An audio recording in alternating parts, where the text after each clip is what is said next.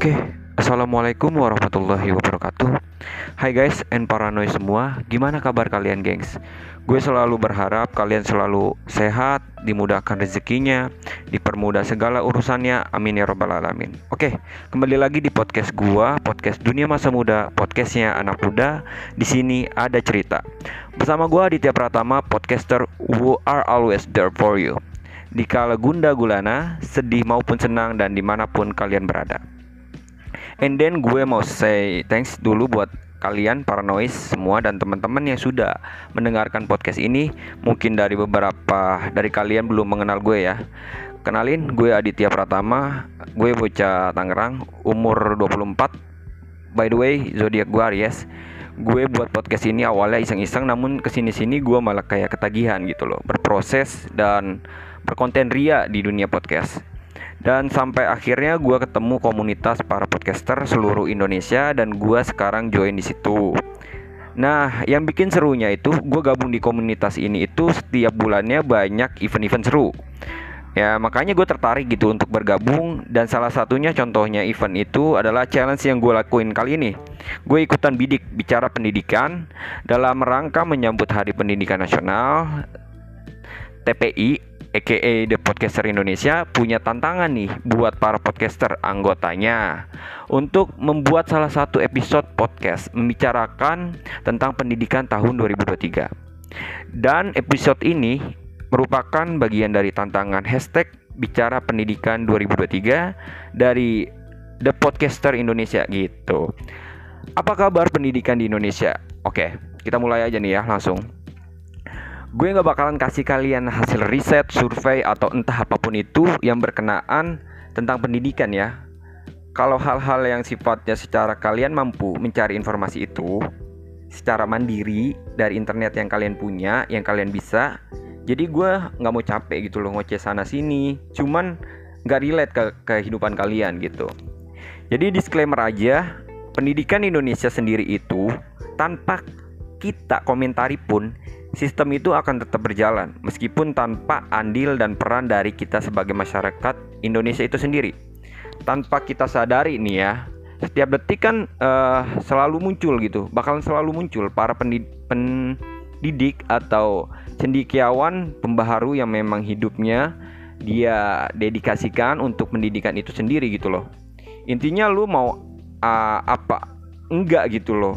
Hidup lu itu waktu lu, pemikiran lu dan lu kerahkan semua itu untuk membantu dan berpartisipasi sebagai edukator untuk membantu kemajuan pendidikan demi bangsa dan negara ini gitu loh.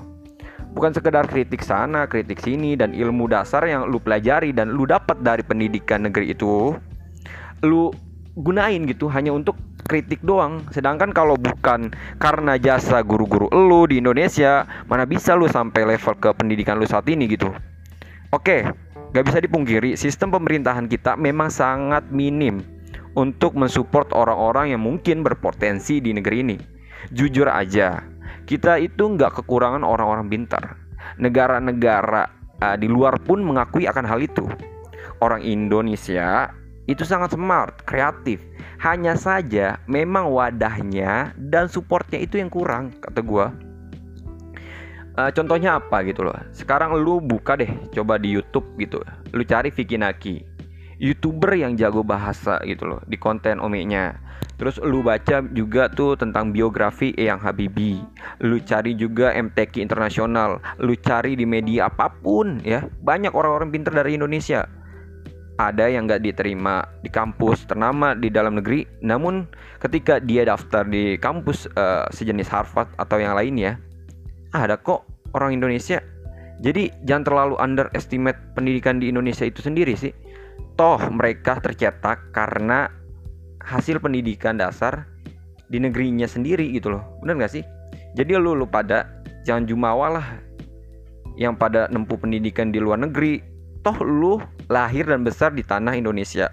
Ketika lu mulai pinter ya lu baliklah ke negeri lu lu buka peluang, lu bantu orang-orang yang kepengen kayak lu, itu lebih bermanfaat ketimbang lu viral karena konten lu kritik sistem bobot uh, pemerintahan tanah air lu sendiri. Kritik dan saran tetap pakai adab ya. Jadi mungkin itu aja sih yang pengen gue sampein. itu adalah apa ya keresahan gue kepada pendidikan Indonesia yang di tahun 2023 ini. Kalau menurut kalian konten ini bagus, kalian boleh kritik dan saran melalui kolom komentar. Dan jangan lupa kalian subscribe channel podcast ini. Dan kalau kalian punya ide yang menarik atau pengen uh, kritik dan saran kalian tersampaikan, kalian juga boleh langsung DM lewat uh, sosial media gue, akun officialnya juga ada @dunia masa muda di Instagram. Dan akun Instagram gue juga pribadi bisa at aditya underscore pratama 2 thank you buat teman-teman yang sudah uh, menyempatkan waktunya. See you next episode. Bye